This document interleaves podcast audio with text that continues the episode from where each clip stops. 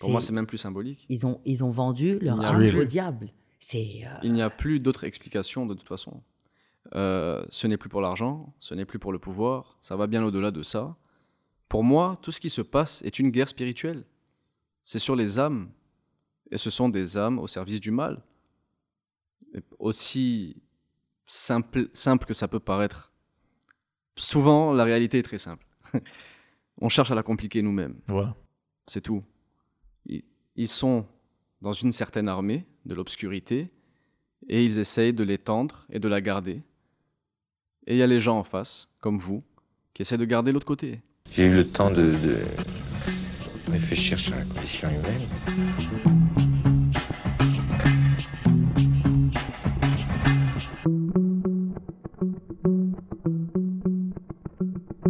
Il fait l'intro en arabe, je la fais en français. Alright um, الأشخاص اللي عم بيحضرونا um, ما زلنا نحن قاعدين مع ايفان دبس اليوم. ايفان دبس مغترب من الكوت ديفوار وكرمال يكون في هيك ستريم اوف كونشسنس مفتوحة ما يكون في حواجز. رح نحكي بالفرنساوي اليوم. سو so, للأشخاص اللي عم بتسمعوا علينا uh, فيكم تروحوا على يوتيوب تحضروا السردة مع السبتايتلز بالإنجليزي وبالعربي. واذا لا bienvenue à- dans Serdé right? Oui, bravo. merci Moi je, suis, moi, je suis très contente. Ok, c'est la deuxième fois qu'on le fait en français. Je vais pouvoir me lâcher autant que je veux. Euh, on n'est pas les seuls. hein. Il n'y a pas que les Libanais qui parlent français. Il y a plein de Marocains, plein de Tunisiens, plein d'Égyptiens et plein de gens qui parlent plusieurs langues. On est très nombreux dans les pays arabes, dans le monde arabe, à parler euh, plusieurs langues. Et donc on est. Moi, je suis ravie aujourd'hui de parler en je français. sais ça se voit Euh, C'est vrai. donc, je vais, je vais pas te laisser en placer une, Moïne. Je, suis- je suis ravie pour ça.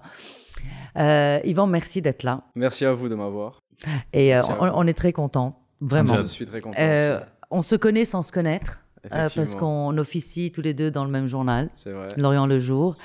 Euh, on se connaît sans se connaître parce que on te suit sur Instagram. Et moi, c'est comme ça que j'ai fait la connaissance d'Yvan. J'ai vu his Instagram page et je me suis dit, this guy jouait la guitare, tu avais des cheveux longs, tu faisais des, des, des, euh, dessins very psychedelic, African, uh, spiritual et aussi avec la thawara, bien sûr, quand tu as commencé à dessiner sur, sur la route Ouais. Place des Martyrs. Ouais, Euh, le premier. c'est le premier dessin que je pense que tout le monde a photographié, Ouais. qui était le fameux euh, Power to the People. Hmm.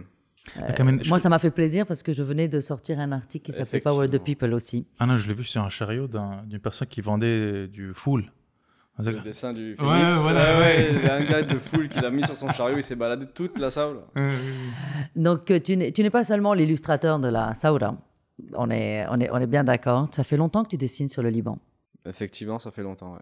Et euh, même si tu ne vis pas ici, même si tu vis euh, en Côte d'Ivoire et tu as déjà vécu, et tu as aussi vécu au Liban, Oui. tu as fait euh, l'université, tu étais à l'Alba ici, Exact. si, euh, si je ne me trompe pas, Et j'ai commencé à bosser et je suis resté 8 ans. au Liban. Ouais. Donc, tu as grandi en Côte d'Ivoire. Je suis né, j'ai grandi en Côte d'Ivoire, je suis venu faire mes études et je suis resté parce que j'ai commencé à travailler assez tôt. Donc euh, j'étais resté. Et tu es reparti en Côte d'Ivoire. Et je suis reparti en Côte d'Ivoire. Donc tu es un vagabond, Grave. comme beaucoup d'entre nous. hein. C'est pas la condition libanaise d'être un Euh, vagabond. C'est la condition libanaise encore plus aujourd'hui Ouais. qu'hier. Ouais. Et euh, on sent dans tes, euh, dans tes dessins que, euh, quoi qu'on dise, et je pense que c'est aussi le cas de plein de gens qui vivent à l'étranger, moi le mot expatrié, euh, Merterbine, me dérange un peu parce que je pense qu'on est libanais euh, dans l'âme euh, et dans les veines, où qu'on soit en fait. Et Moi- toi, le Liban coule dans tes veines, pardon. Moi, j'ai entendu que le mot expatrié a été créé pour les blancs, pour qu'ils pour qu'ils se sentent pas comme des immigrés, like immigrants. It was- It's a fancy word for immigrants, Hmm. pour les expatriés. Ah. Donc à Dubaï, the British people, quand ils sont venus à Dubaï, ils, ils les ont nommés des expatriés parce que le mot immigré was, euh, avait une Effectivement, les connotation Français en négative. d'Ivoire sont appelés aussi expats. Voilà. Ok, ce qui est assez étonnant. C'est Il y les a une connotation français. négative avec euh, immigré. Oui, c'est un fait. Et donc, le Liban coule dans tes veines. Oui, le Liban coule dans mes veines. Euh, L'Afrique aussi. Et par la force des choses, euh, le monde entier aussi. Mais le Liban coule énormément et brûle dans mes veines. C'est beau. Hmm. Et donc, aujourd'hui, tu te sens quoi? Euh, Aujourd'hui, je me sens multinational. Je me sens libanais de racine. ivoirien de naissance, français d'éducation, euh, et, et bien, bien d'autres nationalités, mais les racines sont importantes, les racines sont importantes. Donc, euh, définitivement libanais. T'as jamais eu. Pardon. Go ahead. T'as t'as jamais eu de problème d'identité? Moi, j'en ai eu. J'ai eu un problème d'identité. J'avais l'impression de perdre mon identité. J'ai vécu euh, la première moitié de ma vie en France, la deuxième euh, ici. Toi aussi, tu as vécu euh, À Dubaï. à Dubaï. Pendant six ans. ouais. Et euh, pendant très longtemps en France, j'étais, euh, alors que j'ai vécu, enfin depuis que j'ai zéro, je suis pas née, je suis née ici, mais j'a- j'avais deux semaines quand j'ai été en France. J'ai toujours été la libanaise à Paris. Et puis quand je venais ici, j'étais la française qui savait pas aligner deux mots d'arabe. Et, et j'ai eu euh, beaucoup de mal à trouver mon identité. Je me sentais un peu, le mot est très négatif, mais je me sentais bâtarde en fait, Mm. Euh, ne sachant pas vraiment où était ma place. Et je pense qu'on est très nombreux à se sentir, euh, à, à s'être senti comme ça et à se sentir aujourd'hui comme ça, puisqu'il y a une très grande vague euh, d'exode euh, qu'on connaît, Ouais. jusqu'à ce que je comprenne un jour que en fait c'était une richesse. Écoute, j'ai grandi en Afrique et j'étais toujours appelé le petit Libanais en Afrique. Je suis venu au Liban ici, j'étais appelé dans mon village le petit Africain. Donc euh, j'étais quoi? Je savais plus j'étais quoi. Donc je t'avoue que j'ai eu des périodes difficiles où je me perdais, je, ne savais pas qui j'étais, je ne savais pas d'où je venais, je ne savais pas euh, à qui j'appartenais. C'était assez dur, c'était assez dur d'avoir tout, tout, ce, tout ce mélange de, cultures et, et de ne pas savoir, de ne pas être accepté ni à gauche ni à droite, jusqu'au jour où j'ai décidé de me dire qu'au final, il fallait tout prendre. Il fallait tout prendre. Il fallait prendre toutes les cultures qui t'entouraient, puisque c'est, je suis né dans ces conditions-là, j'ai pas, j'ai pas décidé. C'est ou bien c'est, négatif, je le prends négativement et je déprime et, et- et- et je grandis sans racines et je ne sais pas qui je suis jusqu'à la, jusqu'à la fin de, de ma vie. Ou bien je prends tout et je me construis mes propres racines et, mes propres, euh, et ma propre culture. Donc c'est ce que j'ai fait. Ça a été dur. Quel- Je t'avoue que ça a été dur pendant 2-3 jours. Seulement. Ici, ouais, ouais, ça n'a pas duré. Pendant 2-3 jours, j'ai pleuré une fois et puis après c'est fini. je me suis dit, ok, c'est bon, je suis un enfant de Dieu sur terre, point barre, c'est fini. Après, je prends tout ce qui vient. J'ai de la culture, euh, que de- selon la musique, de la culture jamaïcaine, selon euh, euh, l'art de la culture italienne. Donc c'est fini, tu prends de partout, tu deviens un citoyen et tu cherches où sont tes racines pour que ton arbre et tes branches poussent le mieux. C'est tout. Et on- Et- Non, non, c'est toi.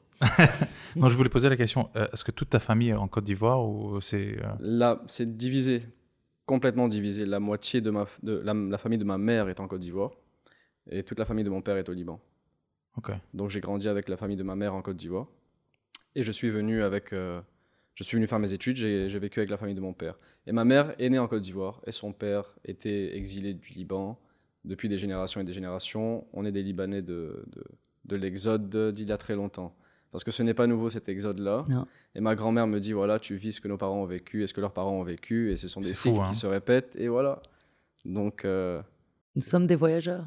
nous sommes des voyageurs, c'est ce qu'elle m'a dit, c'est ce qu'elle m'a dit. Le Libanais a toujours été un voyageur. Et quand tu te présentes, tu te présentes comment? À qui? C'est ça, c'est en fonction de ton interlocuteur. Ouais, je crois, je crois, je crois. Donc, à quel moment tu dis je suis libanais? À quel moment tu dis je suis Jusqu'à ce qu'on me ivoirien? le demande. Je ne dis pas ma nationalité, je, je- parce que je ne demande pas la, la- la nationalité de l'autre. Donc si on me le demande, je dis je suis libanais, né en Côte d'Ivoire, et blabla, et blabla. Mais euh, c'est rare. C'est rare. Mais si, c'est vrai qu'on me le demande parfois. Mais juste quand on me le demande, je viens pas me présenter en disant oui, je m'appelle Yvan, je suis libanais. Ou, Oui, je m'appelle Yvan, je suis français. Oui, ça, ok. Ah, je m'appelle Yvan, voilà, je m'appelle Yvan. Et tu me prends comme tu veux, c'est tout. Si tu me demandes. Et yani, هلا, au niveau de, de, de ta langue, est-ce que tu parles normalement arabe, tu parles anglais, tu parles français yani, Do you speak three languages like we're doing now Berkar Arabe. Ouais. بيحكي عربي يا جماعة. And I speak English. Ok. Et je parle français. Yo hablo español Un poco. un poco. Yo también, a mí me gusta bailar. Et ivoirien. Ivoirien, alors là, je connais quelques mots parce qu'il y a, il y a une cinquantaine de dialectes en Côte d'Ivoire. En Côte Ah ouais, d'Ivoire. d'accord. Ouais. Donc, euh, tu peux pas apprendre. Il n'y a pas d'ivoirien. Il y a une cinquantaine de dialectes. D'ailleurs, la Côte d'Ivoire, la Côte d'Ivoire est un exemple assez intéressant de multiculturalisme qui s'est uni en un pays. Euh, donc, euh, non, on parle tous français là-bas. Et je connais quelques mots. Je connais quelques mots. Waribana, ça veut dire il n'y a pas d'argent. Ah, donc tu peux, ça, tu, on le décline dans toutes les langues. Mafi Massare. euh, Fish Massare, hein. Fish Massare. Donc euh, voilà, connais quelques mots et j'arrive. à- Parfois, parfois, je traînais avec, euh, avec les, les enfants dans la rue et tout. On jouait au foot quand j'étais petit et je leur disais de m'apprendre des mots et je, je- je- je répétais, j'apprenais quelques phrases et tout. Et la communauté libanaise euh, en Côte d'Ivoire, est-ce qu'elle est aussi bien présente? Est-ce que c'est collectiviste? Est-ce qu'ils restent ensemble? Est-ce que c'est comme euh, la communauté, par exemple, au Canada, aux États-Unis, ou c'est un peu éparpillé? Ouais, ouais, si. Est-ce qu'ils sont tous Eke Thaura ou c'est un Alors peu là, non. Surtout la Côte d'Ivoire. Alors, pour Non, les gens non, qui non. comprennent pas, il y en a cette, this small nuance. Qu'est-ce que ça veut dire qu'ils sont pas vraiment sur la même longueur d'onde? Ça veut dire qu'ils sont encore attachés à leur parti politique. Ils sont encore très rattachés. C'est-à-dire que ils sont unis en tant que communauté. Genre, on se reconnaît, on est content d'être libanais entre nous parfois. Moi, je m'en Eh, fous au personnellement. Bravo. Voilà. Hein. Mais euh, l'hypocrisie et les tensions sont multipliées par mille vu que la communauté est, plus petite. Tu vois ce que je veux dire? Donc, les conflits sont encore sont multipliés. C'est-à-dire que tu as le Liban en toute petite communauté. Chacun se rétracte à chaque fois que ça dépasse un peu les limites. Donc, chacun revient à son parti, chacun revient à ce que ses parents lui ont appris, chacun revient à sa religion, etc., etc. Au fond, dans les apparences, c'est cool, c'est tranquille. Mais politiquement, c'est compliqué. Je t'avoue que c'est compliqué. Même moi, j'ai vécu des trucs là-bas un peu compliqués. Comme quoi, par exemple? On m'a interdit de critiquer tel ou tel. euh, On m'a menacé de venir à la maison si, on, si je critiquais tel ou Des tel gens que tu connaissais pas ou des gens que tu connaissais? Bon, on se connaît tous. Ah, ok, waouh. Ouais. C'était encore plus, euh, plus drôle. Ouais, go. Donc, euh, donc non, ils sont pas énormément sur la même longueur. Donc pas tous, il y en a certains, mais comme partout, comme ici. Oui, ça, comme ici, c'est, on, on aime bien transposer nos, nos conflits euh, à l'étranger. Mais ouais. vous aviez eu un problème d'ailleurs lors du, de la Thaura, du soulèvement, on peut l'appeler comme, comme on veut. Oui, je me rappelle qu'il y avait une manifestation qui avait été organisée à Abidjan. Oui, qui a été interdite par l'ambassade du Liban même, pour empêcher les, les- les ressortissants libanais de manifester pour, euh, pour leur pays et pour euh, l'unification de leur pays. Donc c'est intéressant. Et ça a été interdit par certains partis politiques qui ne veulent pas euh, mêler, euh, qui ne veulent pas être dérangés là-bas non plus. Quoi. Il y a des intérêts, disons qu'il y a des intérêts. C'est fou quand même. Ah Alors, ces partis politiques, on va pas les. Si tu veux, on, on, peut les nommer, on peut ne pas les nommer. Mais, je ne euh... nomme plus, moi. moi, je nomme plus, ça fait longtemps. Moi, je fais partie, je suis pour le peuple contre le pouvoir, c'est tout. Mec, je pense que les expatriés, il y en a des gens qui sont, qui sont voyagés il y a longtemps, ils sont restés encore plus. Hey, que, more conservative than Oui, before. oui, oui. Donc plus attachés à leur parti politique Oui. que, que les Libanais, même ici. Oui. Peut-être que c'est une réaction de, de, de- de rattachement à leur pays aussi. Peut-être qu'en en partant, ils se sont dit il faut que je me rattache. Plus ils étaient loin, plus il faut qu'ils se rattachent à ce qu'ils connaissent le mieux. Donc ils se sont rattachés de plus en plus à leur parti, à leur leader, à leur religion, musique etc., même. à leur musique. Euh, ce qui a un côté sympa, il y a un côté traditionnel que j'aime bien. Moi, j'aime beaucoup. Euh, et il y a un côté où il faut quand même euh, réfléchir un peu plus loin, il faut quand même se détacher et choisir ce qu'on veut garder. Et parfois, on ne choisit pas les, les- les meilleures choses à garder, c'est tout. Et je pense que les expatriés aussi n'ont pas vu, at least the ones qui, qui ont vécu plusieurs générations, par exemple en Côte d'Ivoire, Ouais. ils n'ont pas vu le, le melting pot qui s'est passé après la guerre civile. Absolument. Donc, y a- Ils sont encore divisés en communautés. ils sont encore divisés c'est- parce que ça. maintenant c'est plutôt homogène comparé à let's say, euh, Ouais. la guerre civile. Donc, it's, it's super fucking weird. Hmm. C'est weird, euh, c'est étrange.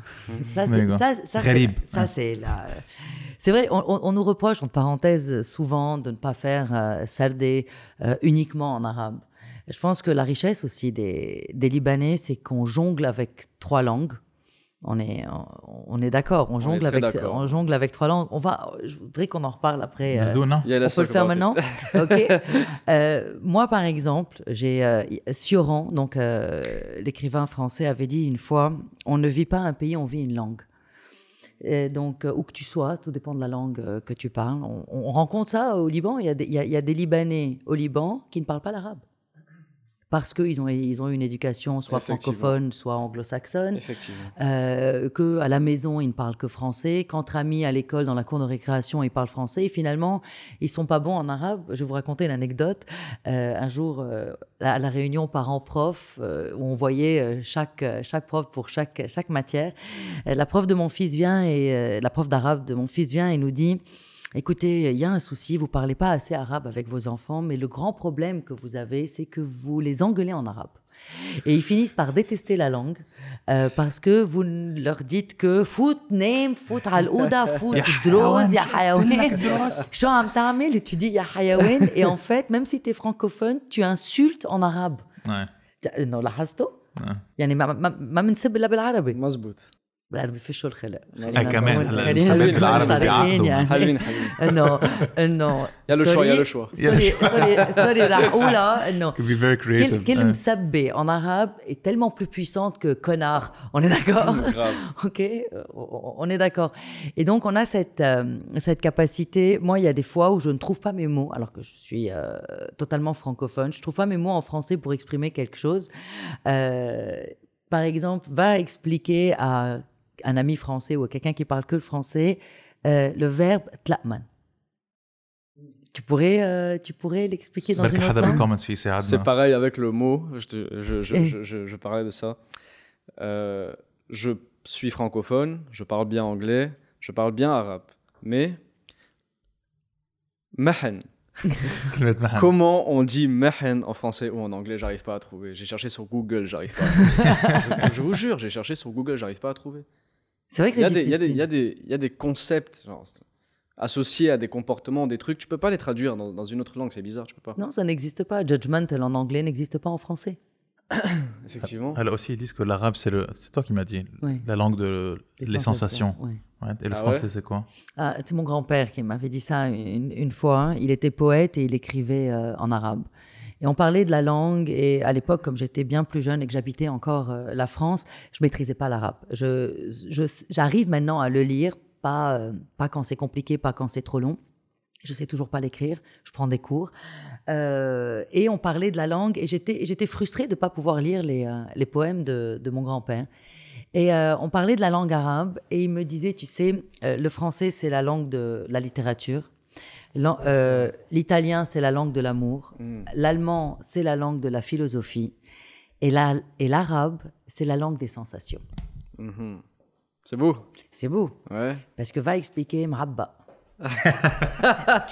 va expliquer Mrabba à quelqu'un. Là, on ne sait pas, j'étouffe. Là, non, j'étouffe, c'est un birtini.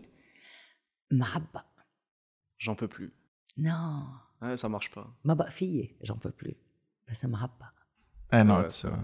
C'est Very rich language. eh bien c'est une langue extraordinaire J'avoue.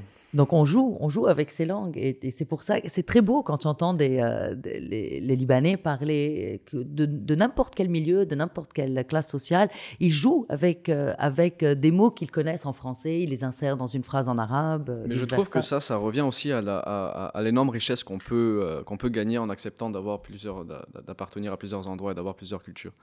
Je trouve que rares sont les peuples déjà qui, qui, qui parlent plusieurs langues en même temps, aussi Ouais. couramment. Euh, rares sont les peuples qui euh, s'adaptent à la langue euh, du pays. Donc le- je trouve que c'est une grande, grande, grande, grande richesse et, et marque d'ouverture quelque part de pouvoir parler trois langues couramment. Des Libanais. Tu les jettes, tu jettes un Libanais au Venezuela, il parle espagnol en deux semaines.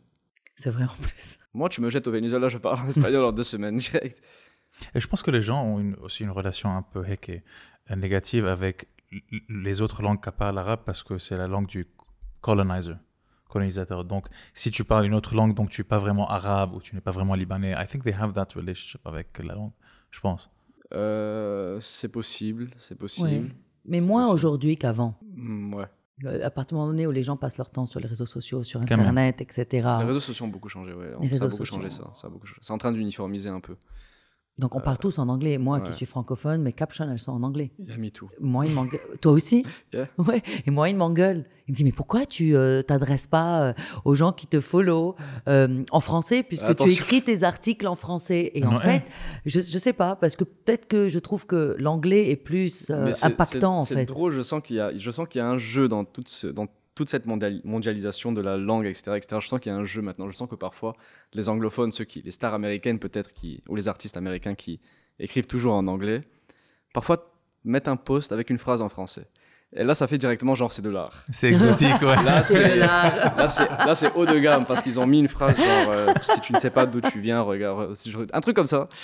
Et là, c'est directement artistique ou bien littéraire parce que Et l'inverse pour les Français, quand ils mettent une phrase en, en anglais, ça fait, ça fait cool, ça fait euh, dans la vague. Donc, tu sens qu'il y a un jeu de langue et tout, et c'est pas mauvais, c'est pas mauvais. Ça, ça, ça permet aux gens de comment, communiquer de plus en plus euh, de façon internationale, et c'est pas mauvais. Mais, dans, mais même dans, euh, en France, on a beaucoup de mots euh, arabes qu'on utilise surtout dans le, dans le langage euh, De la rue. euh, de, de la rue, oui, pour l'argot, Ouais. euh, pour les insultes aussi, évidemment. mais par exemple, tout le monde dit un toubib Ouais, pour le médecin. effectivement. Tabib. Ah, wow. Oui, Effectivement. Tu sais comment on dit un blanc en Afrique? Non. Euh, À Abidjan Un toubabou. un toubabou? Ouais, Pourquoi? Je sais pas. Ah, d'accord. Peut-être que, Ça vient pas de tabib, yani. Ou alors peut-être que, parce que les, médecins blancs étaient médecins. euh, ouais, ouais. Tu vois, c'est intéressant. Tu as des mots qui se, qui se rejoignent comme ça. Oui, l'arabe est très utilisé euh, euh, en France et en Espagne aussi, évidemment. Oui, en Espagne. Ouais. À cause de l'invasion arabe, donc c'est normal, mais euh, non. Il n'y a pas que nous qui nous, nous sommes appropriés d'autres langues. Alors, quand c'est vu en langue, your art, ça ne parle pas. Yani, ça, ça it bypasses toutes les langues, n'est-ce pas? Yani, Tu nous Euh, disais qu'il y avait beaucoup de Libanais expatriés qui ont reconnu le, le Liban à travers tes dessins. J'étais très surpris et très, très heureux de voir ça. Mais j'essaye, mais je pense que. Je pense que ça serait. C'est l'un des meilleurs langages euh, euh, universels, l'image et la musique. Euh, donc j'essaie de pouvoir parler à tout le monde, non seulement aux Libanais ou aux francophones, anglophones, ceux qui parlent arabe, etc. etc. et aussi à l'enfant autant qu'au vieux philosophe, à travers les dessins. Donc euh, je suis heureux et je suis surpris de voir que ça, a- ça a touché des gens et ça, ça a parlé à des gens euh, libanais de, de différents pays du monde entier. D'où, par exemple? République dominicaine, Argentine, euh, Suède, en Afrique beaucoup, dans les pays du Maghreb, en Europe, euh, vraiment de partout, de partout. It's amazing, man. Celle qui m'a le plus marqué, c'est celle de la République dominicaine, je me rappelle, parce que euh, ça faisait des. Ça, elle m'a dit que ça faisait quatre générations qu'ils étaient, cinq générations qu'ils étaient là-bas, et qu'ils qu'ils ne parlent plus du Liban, qu'ils ne parlent plus libanais, etc., etc., et que elle a vu aux infos ce qui se passait, elle a vu mes dessins, et elle a ressenti un attachement pour son- son- ses origines à partir des dessins. Donc là, tu sens que tu as, tu as, tu as allumé une petite flamme quelque part qui. Et tu l'as senti, ça, toi, en tant que euh, Libanais qui ne vit pas au Liban? Ok, Ouais. donc qui vit en, en Côte d'Ivoire. Est-ce que tu as senti un changement? Moi, je l'ai senti, peut-être que je me trompe, euh, au sein de la communauté libanaise, euh, d'un d'un attachement plus important au Liban depuis euh, euh, octobre 2019 et aussi beaucoup depuis l'explosion du 4 août. Ouais. Il y a une espèce d'appartenance et d'attachement euh, euh, au Liban qu'on voyait pas autant auprès des expatriés. Ouais. Tu l'as senti Je ou pas l'ai senti. Je l'ai... Et Ouh. personnellement et dans ta communauté, c'est ça là, c'est une double question. Ah, personnellement, je l'ai, je, je l'ai senti, moi, depuis que, depuis que je suis arrivé au Liban, je l'ai senti. Euh, ça, ça, si tu veux, il y, a- il y avait une flamme, il y a eu un incendie en moi, à partir de ce moment-là. Donc c'était un incendie complet, j'étais en feu. On parle d'octobre 2019. Oui. Ouais. Euh, ensuite, autour de ma communauté, euh, énormément. Ça a beaucoup, beaucoup euh, rallumé cette flamme dans, dans- dans le, dans le cœur des gens, surtout de ma génération.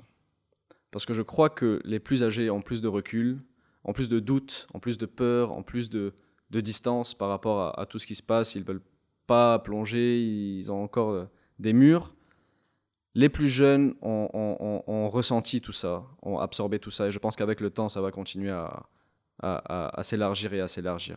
Dans ma communauté en Afrique, certains, mais comme je dis, oui, c'est les, les- jeunes générations ont, le plus senti, et j'ai espoir quand je vois ça. C'est-à-dire que quand je vois une personne qui est contre, euh, mais qui est très bruyante, je sais qu'il y en a 10 qui sont pour, mais qui sont assis tranquillement, tu vois. Donc euh, ça me donne espoir et, c'est beau. Dans ton art, il y, y, a beaucoup d'influences africaines. Oui. Voilà.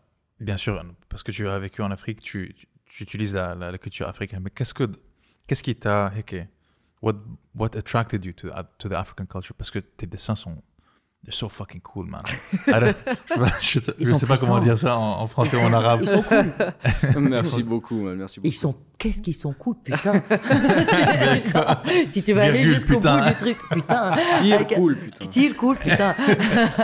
Mais non, ils sont, ils sont d'une, ils sont d'une puissance absolument incroyable. Et ils, nous- ils, ils parlent. Enfin, c'est- c'est aussi l'avantage de l'art. C'est fou.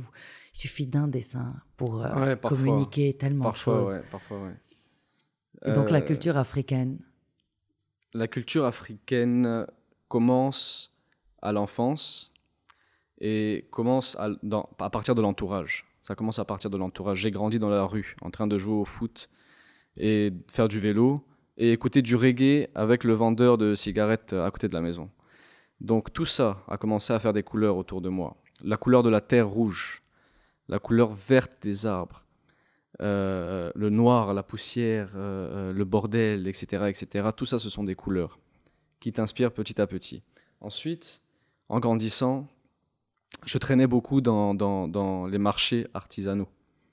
Et j'étais impressionné par les masques, etc., etc. Les masques ont beaucoup impressionné quand j'étais petit.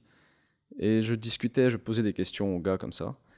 Et je me suis rendu compte qu'à l'inverse de l'Occident et de l'Amérique et, de, et, de, et des stars et des, et des grands peintres et, et, et de l'égocentrisme, euh, ces gens-là n'étaient pas artistes, ils étaient artisans.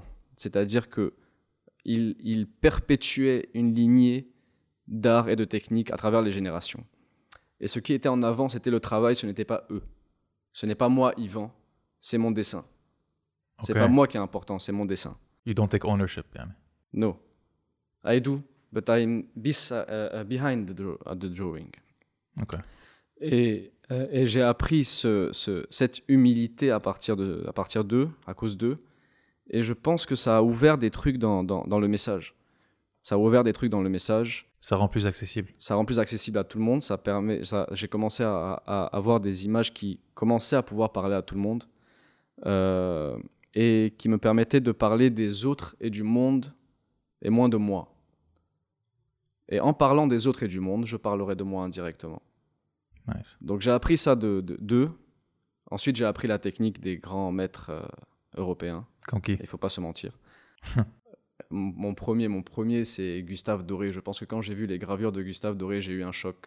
Je me suis dit, tu es une grosse merde, Yvan. tu es vraiment, tu crois que tu dessines? Tu es- nul. Et là, j'ai eu un choc à 18 ans. Ensuite, euh, je me rappelle Pink Floyd The Wall Akid. euh, m'a influencé. Et puis euh, toute la Juste le concert, déjà, avec. incroyable, incroyable, incroyable. Et, euh, et toute la vague de la bande dessinée française et de l'illustration française des années 70. Et il faut que je rende hommage à, à- au dieu de mon enfance, c'est Dragon Ball Z Ah, wow. Ah, et, Sangoku. Alors là, j'assume, je suis, euh, je suis un homme mature, adulte quand même. euh, je réfléchis politique, etc., etc. Mais je lis Dragon Ball tous les jours et c'est la base de, de- de- de mes inspirations. Ah, Et les dessins sont en noir et blanc. En noir et blanc. Ouais. En noir et blanc. C'est le trait noir. Et j'ai j'ai pris ce trait noir là d'eux. Parce que euh, j'ai toujours été remarqué. Parce que j'utilise encore le trait fin noir. C'est vrai. Ça Alors que c'est très en très rare. coloré. Tes, tes- tes Très, très dessins, tes illustrations sont C'est vrai, c'est vrai. pleines de couleurs. c'est vrai. Ton rouge est d'une puissance. Mm. Et enfin, on reconnaît, on sait que c'est ton. C'est-à-dire, ce qui est génial, c'est que tu as cette empreinte qui fait que si on voit pas le fameux Yvan de Bessan Capital en bas à droite, Ouais, dans le euh, carré. dans le carré comme tu signes, on sait que c'est toi. C'est récemment que les gens ont commencé à me dire ça petit à petit. C'est vrai, ça fait plaisir. C'est tant mieux. Ça veut dire que le travail passe avant mon nom. Mais- mais- c'est quoi les catégories, les genres que tu dessines, à part bah, l'influence africaine?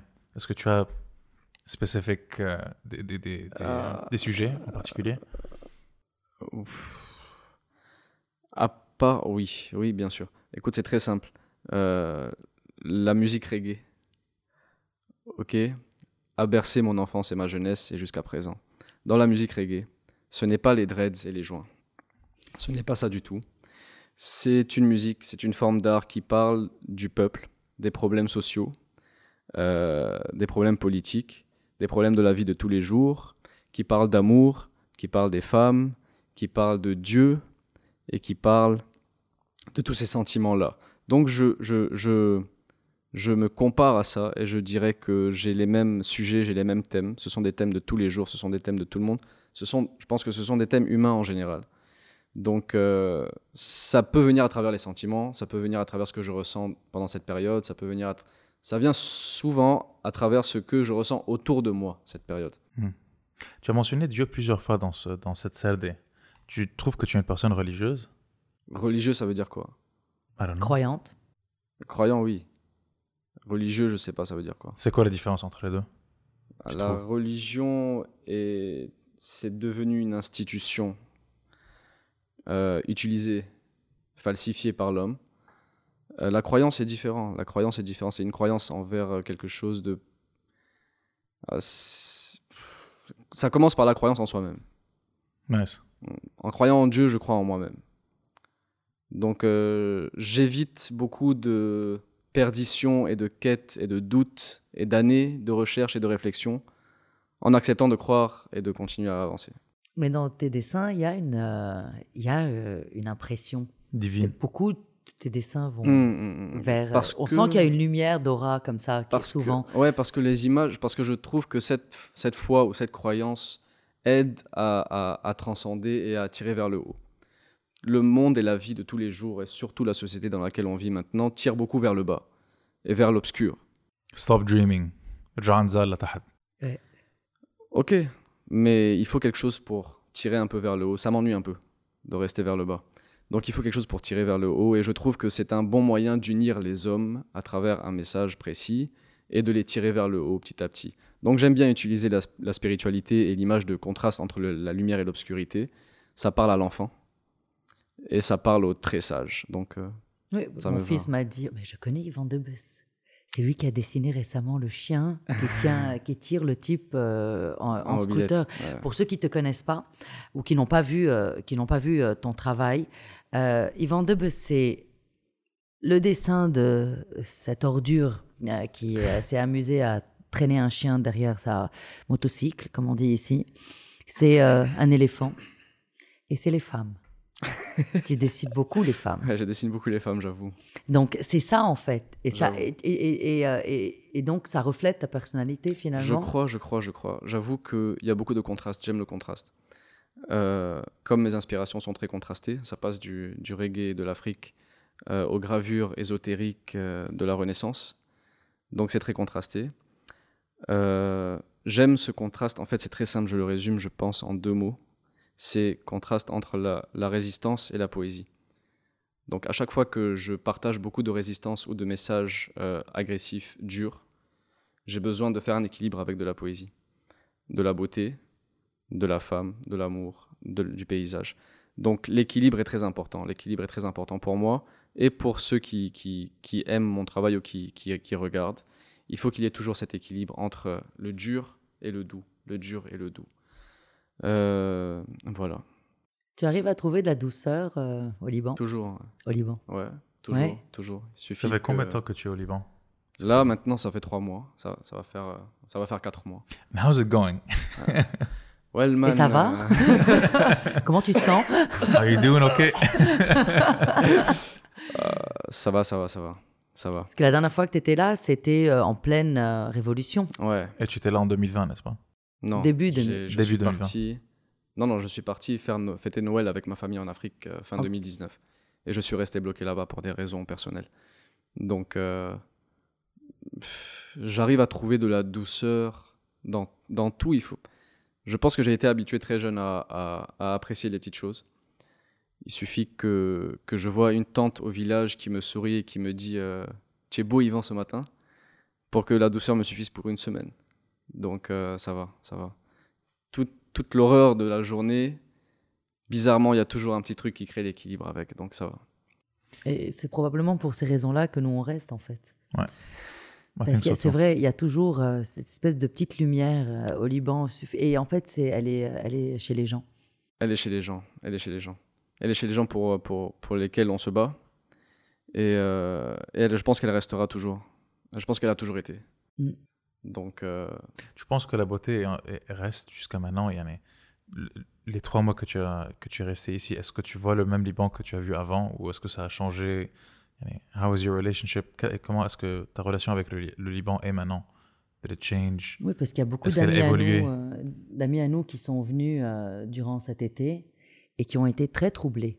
Ah ouais? Parce qu'ils ont vu, parce qu'il euh, il y avait une fracture qui a eu, qui a eu lieu en, en quelques mois. C'est-à-dire, il y a eu euh, la révolution. Et moi, je dis souvent que euh, la joie qu'on a ressentie en octobre 2019 est inversement proportionnelle à la douleur du 4 août.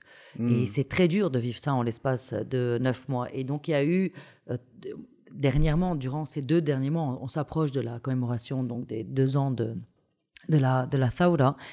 Euh, il y a eu la, la il y a eu l'explosion, et là, il y a la crise économique et sociale qu'on est en train de vivre. Donc, tu as comme une espèce de trois fractures. Hmm. Et les gens qui sont venus euh, là aujourd'hui, pendant la crise qu'on est en train de vivre, n'ont pas reconnu. Il y a beaucoup de gens qui n'ont pas reconnu le Liban, qui ont senti un poids euh, qu'il n'y avait pas avant. Je comprends, je comprends. Je ne sais pas si je suis fou, Comme nous tous. mais euh, bizarrement, ou je ne sais pas si juste j'appréhende les choses euh, tôt, mais je ne suis pas plus surpris que, que, ça, finalement. Moi, personnellement. Je comprends que ça soit, que ce soit choquant, etc.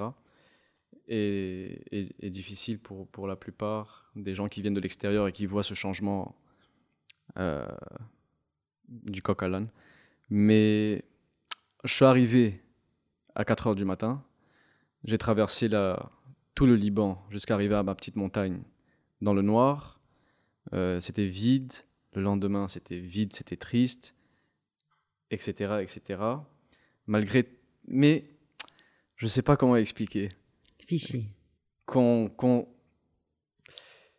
C'est pas la géographie pour moi qui compte, ce sont les gens.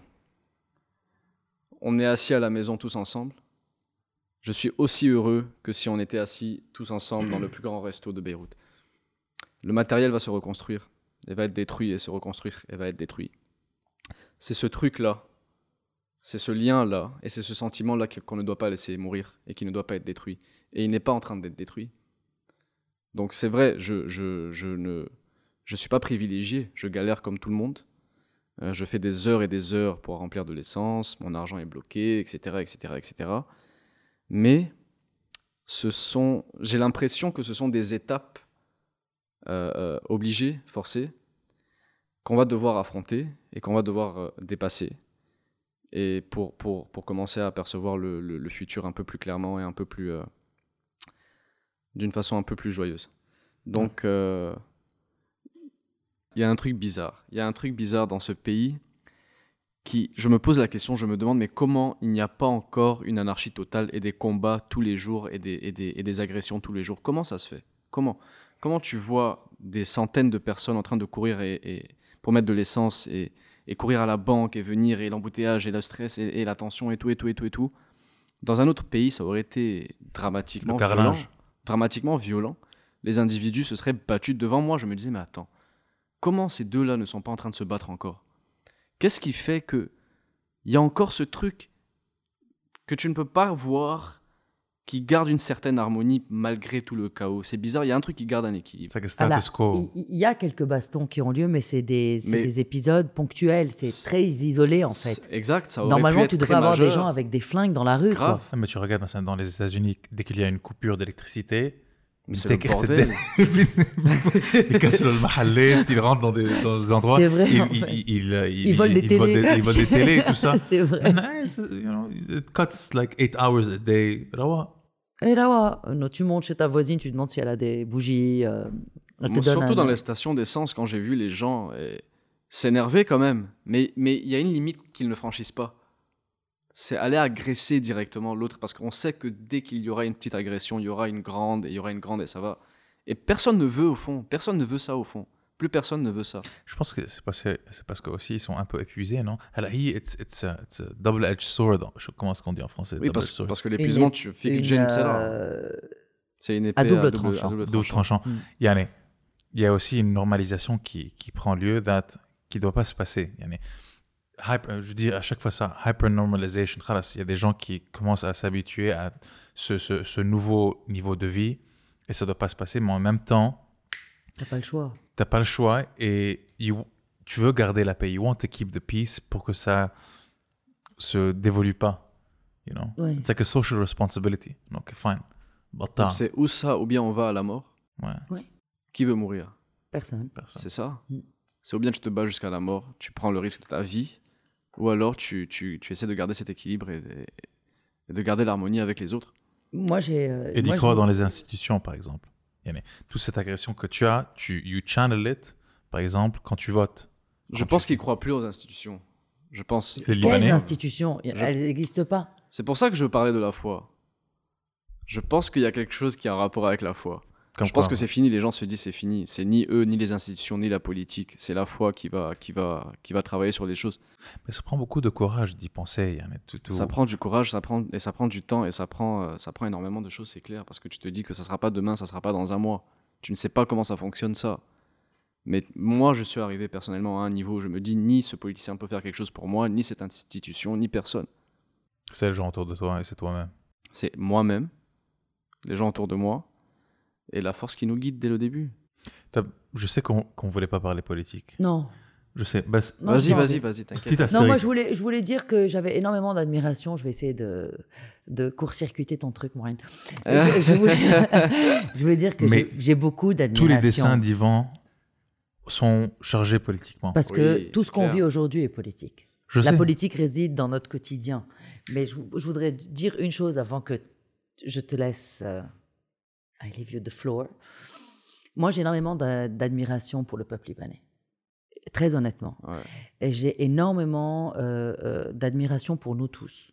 Euh, parce que cette façon qu'on a, et qu'on ne me dise plus le mot résilience, de pouvoir encore avoir la tête haute, Mm. malgré l'humiliation qu'on subit tous les jours, mais tous les jours, à n'importe quelle heure de la journée. Il y a une force qui réside chez les Libanais qu'on trouve pas partout. On est très fort. Je sais pas, non. J'avoue, complètement. qu'aujourd'hui, gérer, se dire que, attends, euh, j'ai une coupure d'électricité entre 2 et 4, alors entre 2 et 4, ce que je vais faire, je vais faire ça. Tu, tout d'un coup, on s'adapte très très vite à n'importe- C'est pour ça qu'on s'adapte très très vite à l'étranger aussi d'ailleurs. Mais on est en crise perpétuelle, c'est pour ça. Oui, mais avec cette capacité de tenir le coup. Bien. Bon, je te vas-y. On insulte, on insulte beaucoup le peuple et on insulte beaucoup les Libanais. Non, il faut pas. On, on leur paie rarement notre respect. C'est vrai. Et je veux payer mon respect au peuple libanais. je paye mon respect à mes parents, à la famille, aux amis et à tous ceux qui galèrent dans ce pays et qui ont la tête haute tous les jours. Respect, vraiment, respect. Toi, tu disais, d'un côté, il y a tes parents qui te disent Qu'est-ce que tu fous au Liban Vas-y, quitte. Et d'un autre côté, il y, a tes- il y a tes potes qui te disent Reste, s'il te plaît, Yvan. Comment est-ce que tu réconcilies les deux? Ah. Hmm. J'essaie de, de, de réfléchir à déjà, il ne faut pas vivre euh, dépendamment de ce que les autres euh, veulent, comment les autres veulent que tu vives. De. Donc j'essaie de les écouter, de prendre les avis de tout le monde et d'écouter la voix à l'intérieur de moi. Il y a trop de bruit. Plus personne n'entend la voix qu'il y a à l'intérieur, mais chacun a une voix à l'intérieur qui te dit tous les jours où aller, quoi faire. Et c'est elle que j'essaie d'écouter. Ensuite, il faut essayer de faire l'équilibre entre la raison et le cœur. Il y a la raison, il y a le cœur, il ne faut, pas- nier. Il y a des raisons, il y a des, réalités qu'il faut prendre en considération. Et il y a des sentiments qu'il faut prendre en considération parce que la vie sans sentiments ne sert plus à rien. Donc il faut trouver un équilibre entre les deux. C'est ce que j'essaie de faire. Et, euh, et je, je pense que je vais trouver. J'attends. Mais je pense que je vais trouver. Et au niveau politique, je sais que Médée ne veut pas Non, vraiment en parler, mais je, suis très curieux pour savoir qu'est-ce qu'Yvan pense de la classe politique qui nous, quote unquote, gouverne. On- on- Gouverne, c'est un peu ambitieux Non, comme terme, mais bon, gouverne, oui, mais euh, qui nous oppresse. qui nous oppresse, voilà, c'est ça le. Et ça euh, je, je pense qu'on sait, mais on va te l'entendre euh, Ouais, le dire. Je pense que c'était assez clair, mais. Parce c'est- que déjà, comment tu les dessines, c'est c'est grotesque. c'est- Ouais. J'ai pratiquement jamais dessiné leur visage. 100%. C'est déjà euh, une décision que j'ai prise. Parce que dessiner leur visage me fait perdre mon propre temps dans ma propre vie à dessiner leur visage. Je peux pas accepter ça. Non, non, ils méritent pas que je dessine leur visage. J'ai du temps, j'ai pas du temps à perdre comme ça. Et ça leur donne de l'importance. Dessine, je les dessine souvent en tant que clown ou en tant que, que, que, que certains animaux au niveau symbolique. 100%. j'adore le cochon, j'adore le serpent, etc. Mais au niveau symbolique, euh, ça parle à, à- à plusieurs personnes, à tout le monde. Euh, je, les je les mets tous, ils sont en train de mourir. Ok? Je ne, je ne mets plus mon, ma concentration sur eux, mais sur les, enfants et les jeunes qui vont plus tard, eux, devenir acteurs. Je veux atteindre la jeunesse qui entoure ces personnalités-là, les toucher et faire en sorte que ces, ces jeunes-là ne deviennent pas ce que cette classe politique est.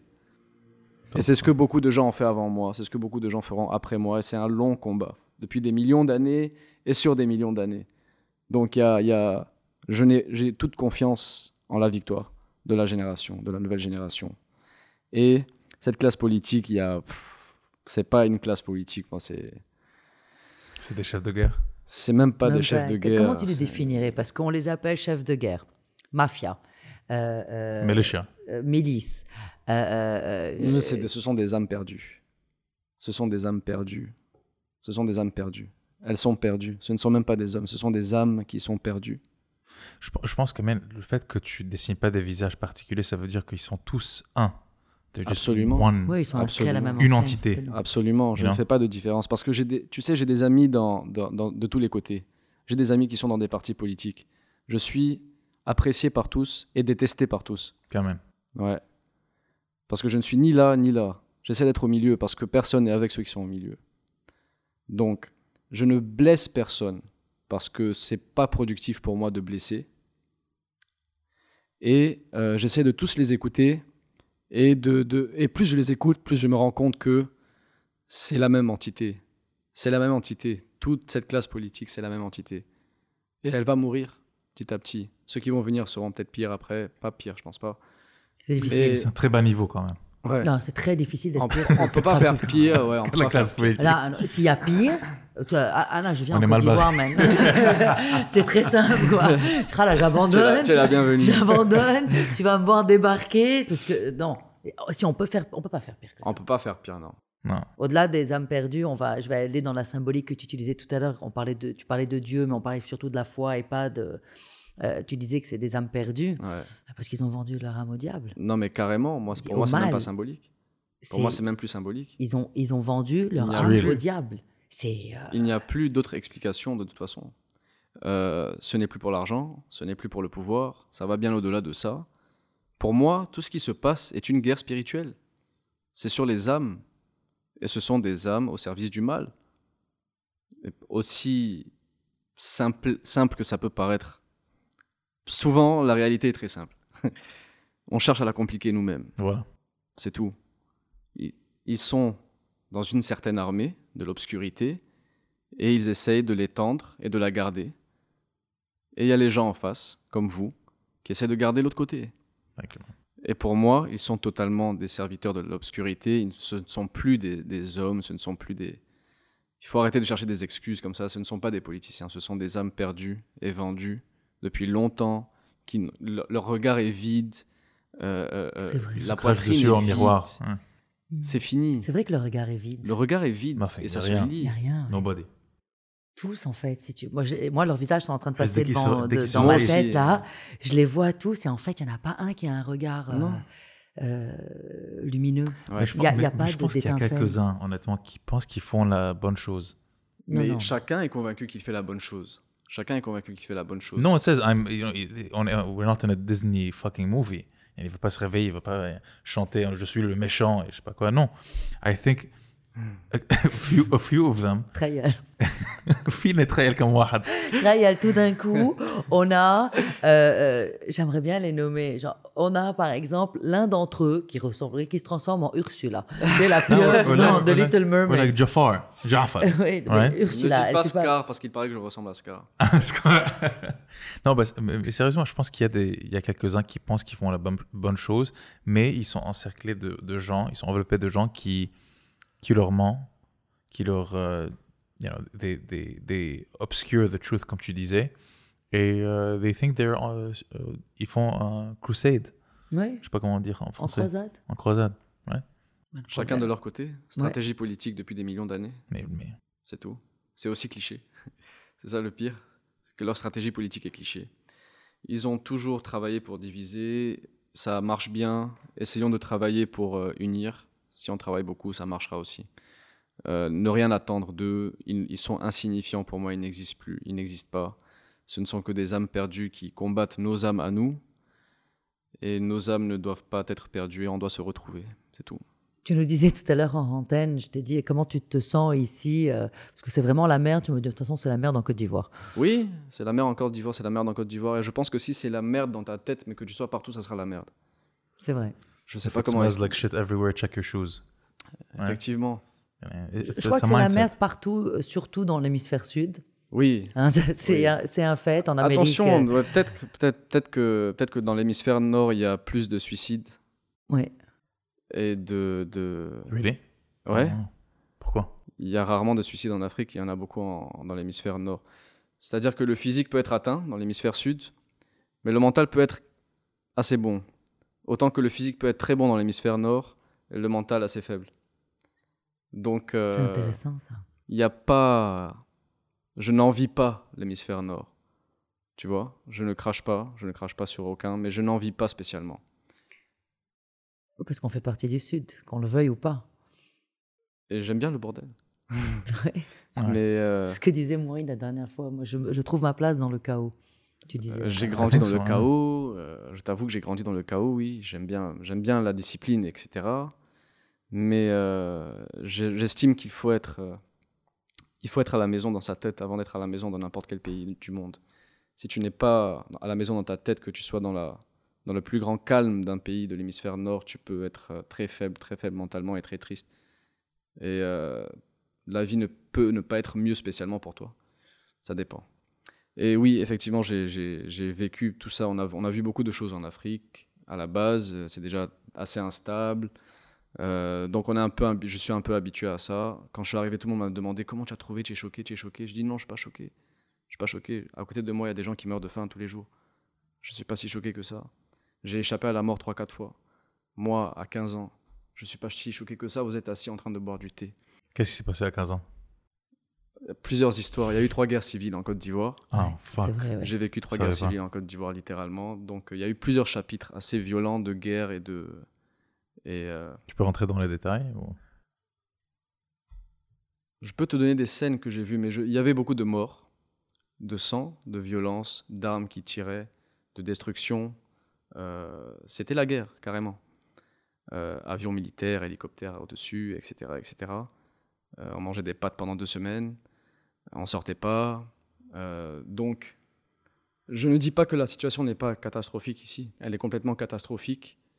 Mais tant qu'il y a de la vie, il y a de l'espoir. Aussi cheesy que ça peut être. C'est les Africains eux-mêmes face à la mort qui me l'ont appris. Tant qu'il y a de la vie, il y a de l'espoir. Donc, euh, Life ça wins. ira. Ça ira. Oui, en fait, finalement, tu es choqué en fonction de l'environnement d'où tu viens. Oui, tu es choqué en Évidemment, fonction si tu, si tu es. euh, si tu vis euh, convenablement dans une ville européenne ou dans une ville euh, nord-américaine, évidemment, c'est pas la même chose qu'ici. Par Je te- contre, je vais te dire. euh, Je vais te dire ce qui est choquant. C'est les, les, c'est les nécessités basiques de la vie de tous les jours qui sont choquantes, que tu n'arrives pas à voir, qui sont choquantes. Pour un pays comme le Liban. C'est choquant de ne pas avoir euh, de l'électricité, de ne pas avoir du Wi-Fi, de ne pas pouvoir mettre de l'essence. Ça, c'est choquant, c'est étouffant, c'est dramatique. Euh, et même dans, d'autres pays du tiers-monde, on n'a pas ça. Donc, tu sens que c'est illogique quelque part. Il n'y a même pas de logique derrière ça. Ça, c'est choquant. Donc, quand tu viens de l'extérieur et que tu n'as pas toutes ces accommodités euh, euh, basiques, tu, te poses des questions et tu te dis vraiment, c'est la merde, quoi. Et je comprends. Donc, de ce côté-là, j'étais choqué. Mais si je, prends du recul et que je regarde la situation hors du temps et hors de moi-même, euh, il y, a, de l'espoir. Il y a de l'espoir. tu penses que le fait euh, d'être euh, aussi lié au Liban à travers ton art euh, t'a permis finalement d'amorcer, comme tu disais, toi tu appréhendes souvent, d'amorcer cette venue au Liban et en fait c'est comme Oui. si es- tu étais là. Oui, oui, oui. Parce que tes, tes dessins, c'est pas des dessins euh, d'ordre euh, global ou général ou d'une idée. C'est-à-dire que tu fais des dessins sur euh, ce qu'on appelle malheureusement un fait divers. euh, Ouais. tu, ne- tu ne parles Ouais. pas seulement Ouais. de la liberté ou de la, de, la révolution, ou, etc. Tu parles de choses qui arrivent, qu'on qu'on voit nous dans les, aux nouvelles ou sur les réseaux sociaux. Est-ce que ça, ça te permet d'être en communion permanente avec nous avec nous Absolument, absolument. Absolument, absolument. Je pense que tous les jours où j'étais à l'extérieur, il y avait, il y avait une, grande partie, peut-être la plus grande partie de moi qui était ici et qui vivait les choses. Et je ne sais pas comment l'expliquer, mais je pense qu'une grande partie de mon esprit était sur le terrain, vivait les choses. Euh, quand, je, quand, je, quand je prends des, des faits divers et que j'illustre des faits divers, ce ne sont pas des faits divers pour moi, ce sont des faits majeurs.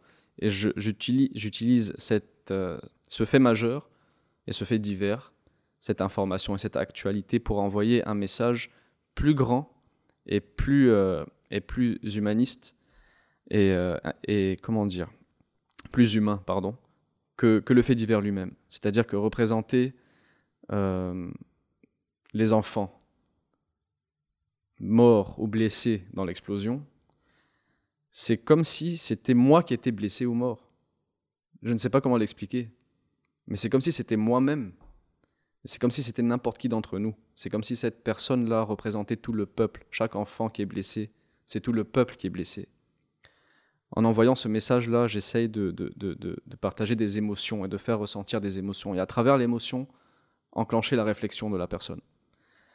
Et c'est un lien pratiquement spirituel que, que, que- j'ai en étant loin, et surtout aussi le nombre euh, d'amis qui me parlent tous les jours et qui me- m'expliquent le ressenti tous les jours et qui me, qui me décrivent le terrain tous les jours, qui font que je ne suis pas absent, je ne suis pas vraiment absent.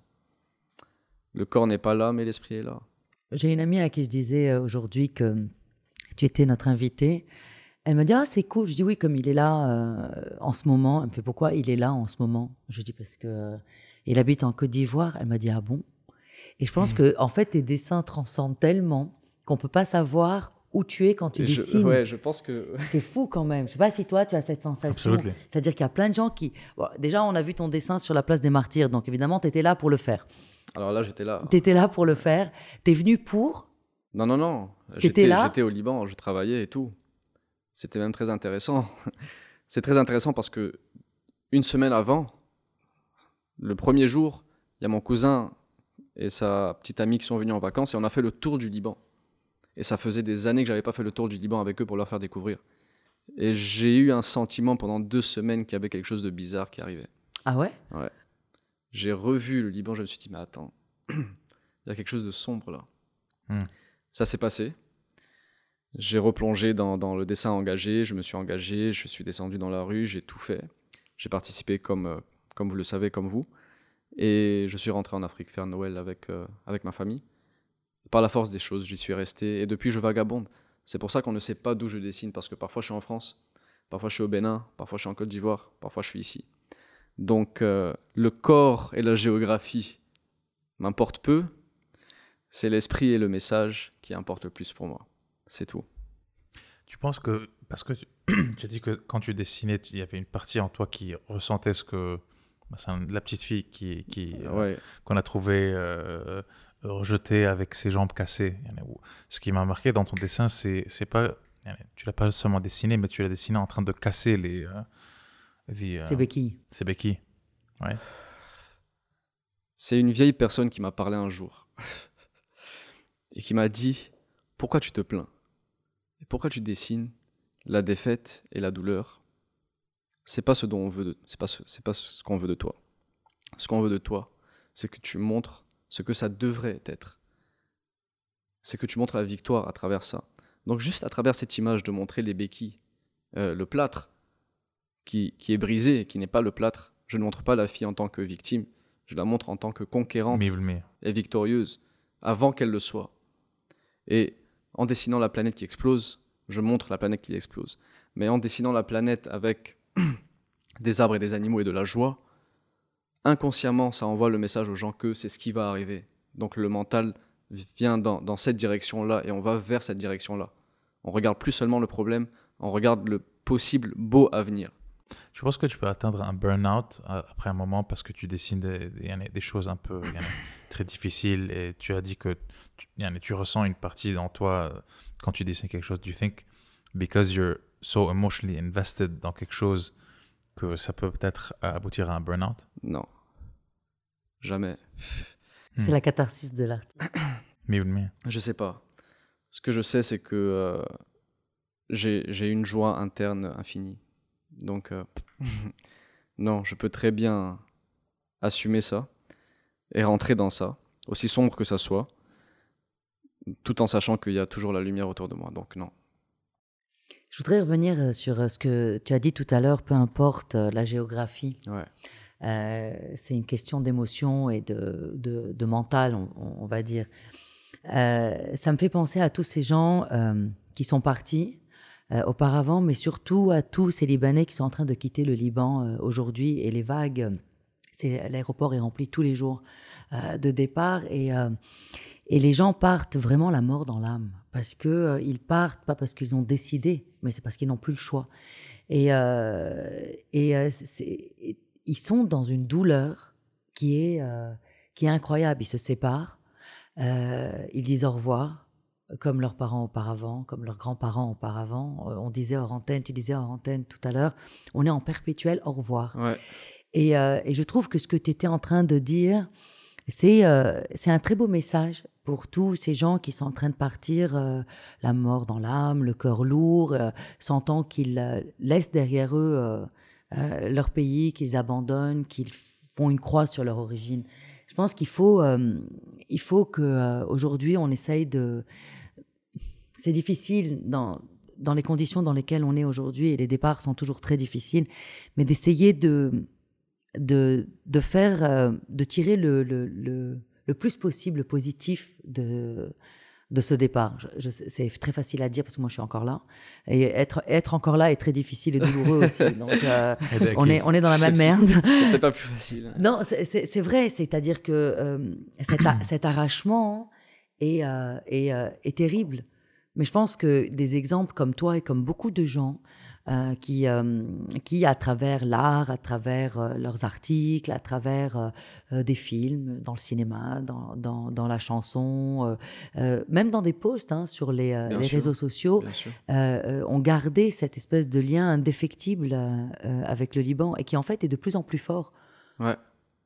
Je me demande comment il faut prendre cet exode-là. Parce que c'est vrai que la vie ressemble à, une suite d'au revoir. Nos vies ressemblent à une suite d'au revoir, comme je disais.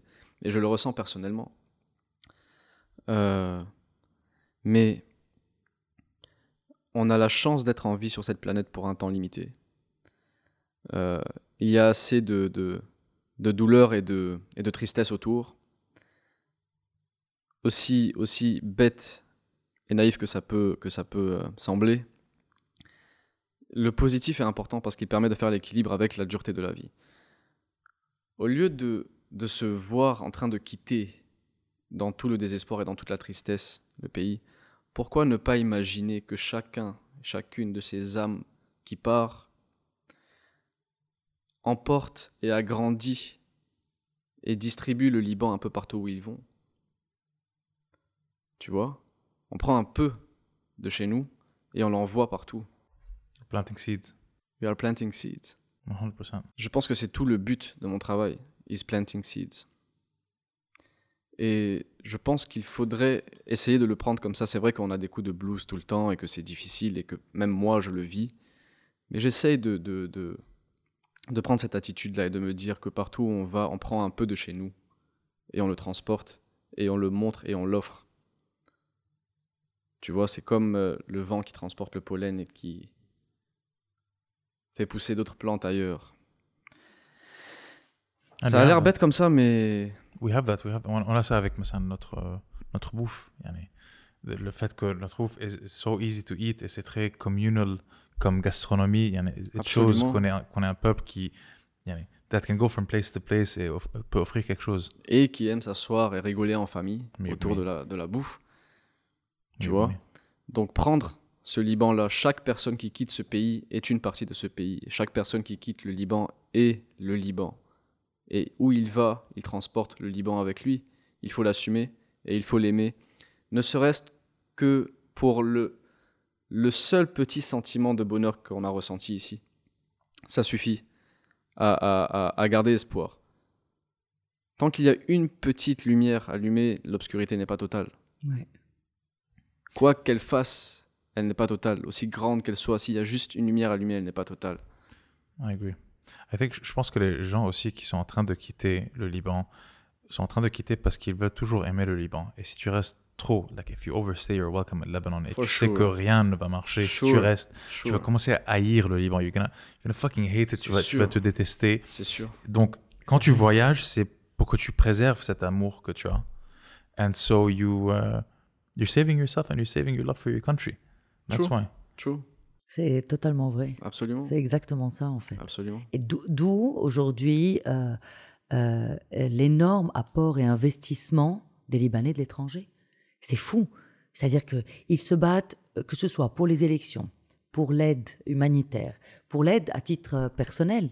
Tous les gens qui habitent à l'étranger reviennent euh, fréquemment au Liban ou pas, mais avec des valises remplies de médicaments, euh, de, de, de besoins d'aliments ou de, ou de produits euh, nécessaires. C'est- un truc de fou. Moi, j'ai toujours dit, à chaque fois que je rencontre quelqu'un qui est qui n'est pas libanais, euh, tout le monde dans le monde connaît un Libanais. On est partout. One degree of separation.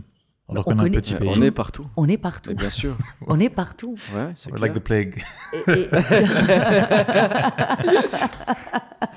non, mais c'est vrai, c'est-à-dire tu vas dans n'importe quel coin. Bon, après, il y a des, évidemment, il y a des endroits reclus où peut-être euh, ils, ils- ils ne connaissent pas un Libanais, quoique, t'en trouveras toujours un quelque part. Ouais, île de la Même Réunion. au Tibet, on, on a euh, reçu des messages. Île de la Réunion, fucking Reykjavik, euh, Tibet, Kamenat. Non, non, pas Tibet. Non, pas Tibet, ça serait bien. Republic of China aussi. Oui, euh, tu- dois avoir ça aussi. Nous, Oui. on reçoit des messages. euh, on, a, on a plusieurs sortes de messages et tous les messages qu'on reçoit nous touchent. Tous les commentaires euh, que l'on reçoit nous touchent à- Mm. à chaque fois, à chaque épisode, ou clair. même d'ordre d'ordre général. Euh, de partout dans le monde, de Libanais. euh, partout dans le monde, genre euh, ah waouh, euh, on a un Libanais qui nous euh, qui nous regarde à Reykjavik, mais on a aussi un Marocain ou plusieurs Marocains et de nombreux Marocains Marocains, et de Tunisiens, nombreux Saoudiens. Tunisiens, de nombreux Libyens, de nombreux Syriens et Palestiniens qui nous regardent et, et pas seulement des Arabes. Il y a des gens qui découvrent la culture libanaise Mm. euh, euh, à travers, euh, à travers Sardé et probablement aussi, comme tu l'as dit, à travers tes dessins. Ouais. Ouais. Et donc ça doit te toucher toi aussi, Ça non? me touche énormément, ça me touche énormément. Il y a une, je- il y a une avec qui je suis encore en contact d'ailleurs, une, une Suédoise qui a une petite fille qui est absolument fan de mon travail. Petite Suédoise absolument fan de mon travail, qui dessine et qui m'envoie des vidéos de ses dessins. Mais non. Mais genre, comment je pourrais arrêter en recevant ça? Elle est à l'autre bout du monde, elle m'envoie des dessins juste pour partager avec moi. J'ai réussi à lui transmettre quelque chose. Et elle Et est comment elle t'a suédoise. découvert, par exemple? Elle t'a raconté? Je n'en sais rien. À travers euh, les, les- les réseaux sociaux. Euh, elle connaissait un Libanais qui a partagé un de mes dessins. Qui tu vois? Donc, bien sûr qu'il y en a partout. Et, et il- on utilise, je trouve qu'on utilise assez bien, déjà vous, super bien, et beaucoup de gens dans, dans, dans notre entourage utilisent assez bien ces réseaux-là pour propager la vraie et la bonne image du Liban. Et contrer euh, la, la- la fausse image. Euh, si j'arrive à le faire avec mes dessins et que ça arrive à, à atteindre des gens à- un peu partout dans le monde, c'est incroyable. Euh, on utilise les réseaux et en fait, euh, c'est pour ça qu'on on a trouvé euh, très très important au bout de, de- de quelques épisodes euh, à peine de mettre des sous-titres. Ah oui. Parce qu'en fait, euh, c'était important pour nous euh, de parler du Liban, mais pas qu'aux Libanais. Et, euh, et pas Pas seulement, Libanais qui vivent au Liban aussi. et pas seulement, seulement aux aux, arabophones. Voilà. Hmm. Pas seulement aux arabophones, C'est c'est-à-dire qu'en mettant des sous-titres anglais, et aujourd'hui on aura des sous-titres arabes et euh, anglais pour les non francophones. Euh, on avait envie de transmettre ce message. Comme tu le disais, euh, aujourd'hui, par exemple, une Suédoise, c'est plus facile de, de- Le message est plus facile quand il est euh, en peinture, en couleur ou, en- Ah oui, ou c'est en clair. dessin ou en photo. Euh, après, au niveau d'une discussion ou d'une conversation, si tu ne comprends pas la langue, c'est plus difficile. Quand tu comprends pas la langue dans une chanson, c'est pas grave, c'est la mélodie qui te parle. Ouais. Là, il n'y a pas de mélodie. Euh, et et aujourd'hui, si tu veux en savoir plus sur le Liban, c'est pas en regardant la télé. En tout cas, tu l'as l'a pas, la télé euh, à l'étranger. Les mecs, euh, euh, cette, cette jeune Suédoise, elle a probablement pas et sûrement pas la LBC chez elle. C'est pas une perte. Euh, non, mais c'est vrai. Donc, si tu veux en savoir plus sur, sur le Liban, nous, les sous-titres étaient importants pour nous, pour que le message soit transmis. Comme tes dessins, tu transmets un message sur le Liban Je suis d'accord. et tu arrives à Je l'exporter. suis d'accord. Et notre nourriture aussi euh, est le meilleur message qu'on puisse avoir. Qui ne connaît pas le hummus? Non, Je vrai. devrais dessiner un hummus. Tu devrais dessiner un hummus ou J'ai une fait un taboulé. hey, J'ai fait un taboulé. Parce que La- j'avais eu cette image. Ouais, le taboulé. le Libanais, bien parce que, sûr. oh, parce que euh, excusez-nous pour euh, tous, les, euh, tous nos, tous nos spectateurs. Oui, euh, le marocain. Oui, il y a le Ah, taboulé le Il y a le marocain. taboulé marocain qui est à vrai. base de semoule Le semoule est et euh, où il y a moins de persil, mais c'est la semoule Tomate. qui est l'élément. euh, principal. C'est ouais. très très bon. Mais euh, c'est pas du tout notre euh, taboule et Non, ouais. Non, Akid là, c'est- la taboule marocaine est absolument incroyable. moi, la taboule, elle est féminine pour moi. Toi, tu dis le taboulé J'ai dit le Oui. J'en sais rien. Ouais. Oui, en anglais, il n'y a pas. Et la taboulée, là, avec un E accent quand même. Eh ben, de taboulée. Eh ben, en anglais, il n'y a pas, il y, a que le français qui donne des, euh, qui donne un genre aux objets. Euh, euh, d'ailleurs, j'ai un ami dont la mère est anglaise, elle a jamais compris pourquoi on disait une table et un fauteuil. Elle, ne comprenait pas pourquoi la table était féminine et le fauteuil était masculin? J'avoue, j'avoue, je sais pas. On peut, on peut, on peut, on peut réfléchir. Hein. Pourquoi ils se sont assis Ils ont dit une table et pas un table? Je sais pas. Alors qu'en anglais, c'est plus simple. Ouais. Alors, en arabe aussi, ça a des genres. Ça a des genres aussi. Comme quoi Eh, ça. Eh, taoulé. Ou kirse, ou.